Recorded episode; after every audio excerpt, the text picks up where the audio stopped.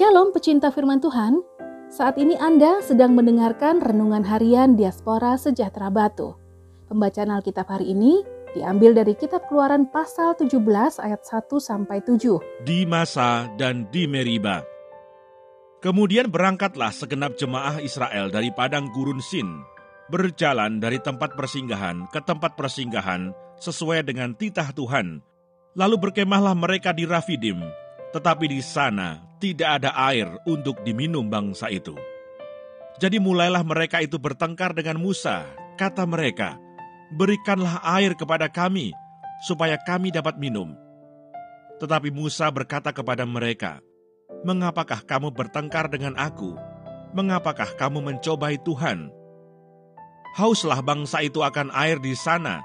Bersungut-sungutlah bangsa itu kepada Musa dan berkata, Mengapa pula engkau memimpin kami keluar dari Mesir untuk membunuh kami, anak-anak kami, dan ternak kami dengan kehausan? Lalu berseru-serulah Musa kepada Tuhan katanya, Apakah yang akan kulakukan kepada bangsa ini? Sebentar lagi mereka akan melempari aku dengan batu. Berfirmanlah Tuhan kepada Musa, Berjalanlah di depan bangsa itu, dan bawalah beserta engkau beberapa orang dari antara para tua-tua Israel, Bawalah juga di tanganmu tongkatmu yang kau pakai memukul sungai Nil dan pergilah. Maka aku akan berdiri di sana, di depanmu, di atas gunung batu di Horeb. Haruslah kau pukul gunung batu itu, dan dari dalamnya akan keluar air, sehingga bangsa itu dapat minum. Demikianlah diperbuat Musa di depan mata tua-tua Israel. Dinamailah tempat itu Masa dan Meriba, oleh karena orang Israel telah bertengkar dan oleh karena mereka telah mencobai Tuhan dengan mengatakan, adakah Tuhan di tengah-tengah kita atau tidak? Ayat Mas hari ini diambil dari kitab Keluaran 17 ayat 7. Dinamailah tempat itu Masa dan Meriba, oleh karena orang Israel telah bertengkar dan oleh karena mereka telah mencobai Tuhan dengan mengatakan, adakah Tuhan di tengah-tengah kita atau tidak? Keluaran 17 ayat 7 Renungan hari ini berjudul Panik. Kepanikan adalah semacam kecemasan disertai dengan rasa takut, bingung, gugup yang luar biasa selama beberapa menit. Timbulnya perasaan bahwa suatu bencana akan terjadi atau adanya ketidakmampuan untuk mengendalikan diri. Setiap orang tentunya pernah mengalami kepanikan dan membuat orang tersebut tidak bisa menggunakan akal sehatnya dengan baik.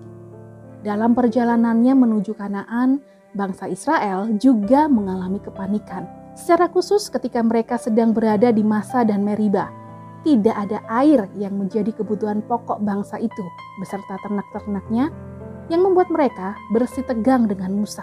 Bahkan mereka mempertanyakan keberadaan Tuhan.